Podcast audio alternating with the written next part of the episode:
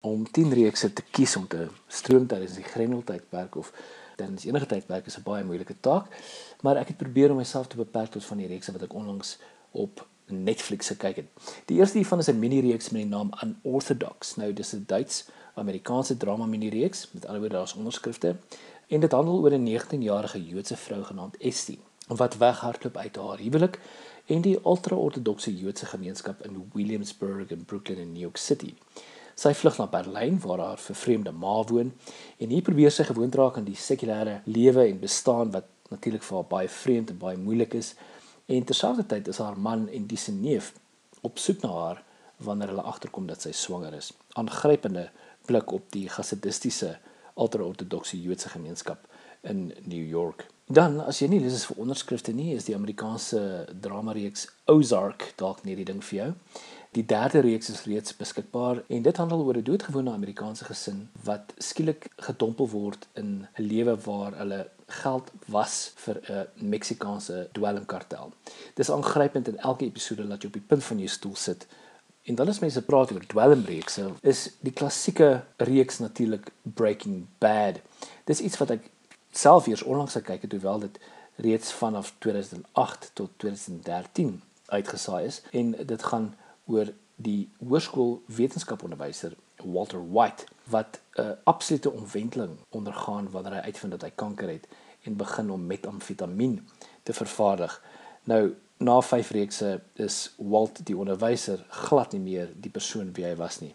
En daardie karakterontwikkeling is van die beste wat ek nog in enige TV-reeks beleef het. Dan is daar 'n dokumentêre reeks met die naam Tiger King: Murder, Mayhem and Madness. Dis 'n reeks wat vanjaar uitgereik is en het my heeltemal heeltemal onkant betrap. Dit handel oor die aanhou van wilde katte, veral in Oklahoma in Amerika. En die hele reeks sentreer rondom die lewe van die dieretuin eienaar Joe Exotic. Dis 'n baie moeilike reeks om te beskryf, maar die beste manier is om te sê dat meeste van hierdie mense so mal soos hase is. Beslis die moeite werd om na te kyk en benewens die karakters wat mense amper nie kan glo regte mense is nie, is die wetywering tussen mense wat groot katte aanhou in Amerika absoluut aangrypend en ontstellend om die mense te sien. As jy lief is vir afregse humor en nie maklik aanstoot neem nie, is Bill Burr se animasiereeks F is for family beslis jou tipe medisyne.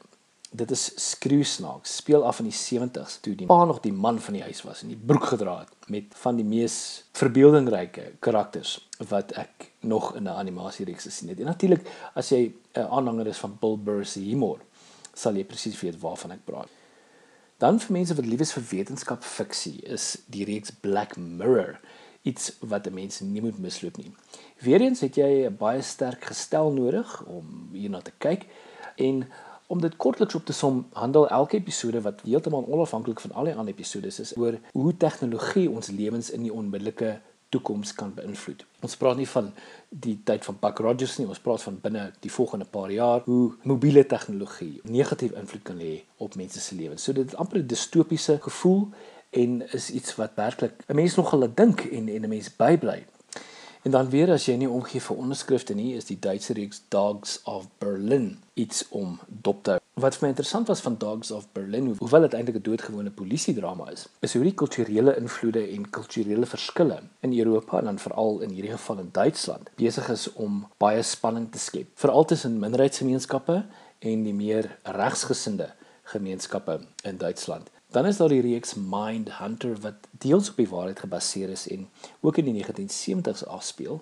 Dit handel oor hoe die FBI in Amerika begin het met die profilering van reeksmoordenaars. En ons het hier te doen met twee FBI agente, Holden Ford en Bill Tench, en hulle reis deur heel Amerika en besoek bekende reeksmoordenaars om te probeer vasstel of daar 'n psigologiese patroon is om so te help met die profilering van toekomstige reeksmoordenaars. Geweldige interessante insig in die psigologie agter profilering en veral die siege van die reeksmoordenaar. Dan het die vierde reeks van Money Heist of dan in Spaans La Casa de Papel verlede week begin. Dit is 'n meesleurende en onortodokse reeks wat geweldig spannend en geweldig kreatief. Die klassieke heist drama, amper as dit ware herontwerp Kortliks handel dit oor 'n uiteenlopende groep karakters wat die Spaanse koninklike munt probeer beroof. Maar dis natuurlik nie so eenvoudig nie. Alles word baie goed beplan, maar baie baie vinnig loop dinge lelik skeef. Dit bring my dan by die laaste reeks waar ek graag wil gesels. En dit is 'n reeks met naam van Fauda. Dit is 'n Israeliese reeks en uh, speel grootliks in Hebreëus en Arabies af. Die woord Fauda in Arabies beteken chaos. Dis 'n reeks wat ontwikkel is deur 'n man met naam van Lior Raz. Hy is ook een van die skrywers en hy speel ook die hoofrol van Doron en hy is 'n lid van 'n spesiale taakmag in die Israeliese weermag. Nou, dit klink alles baie eensydig, maar dit is eintlik glad nie. Hoewel dit 'n Israeliese reeks is, is dit op so 'n manier geskied en op so 'n manier geskryf dat 'n mens baie vinnige empatie met beide kante van die konflik in die Midde-Ooste ontwikkel.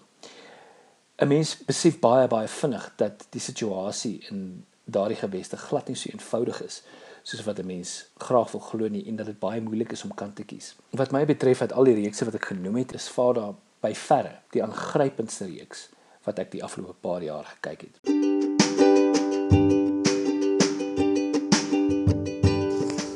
Jy luister na Nuuspot, die tuiste vir Afrikaanse stories agter die nuus.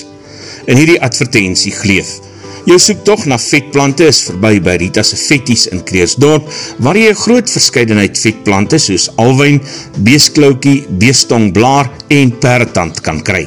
Sy lever ook af per koerier. Besoek Rita's Vetties op Facebook vir meer besonderhede of bel haar by 082 342 9119. Terug na ons story.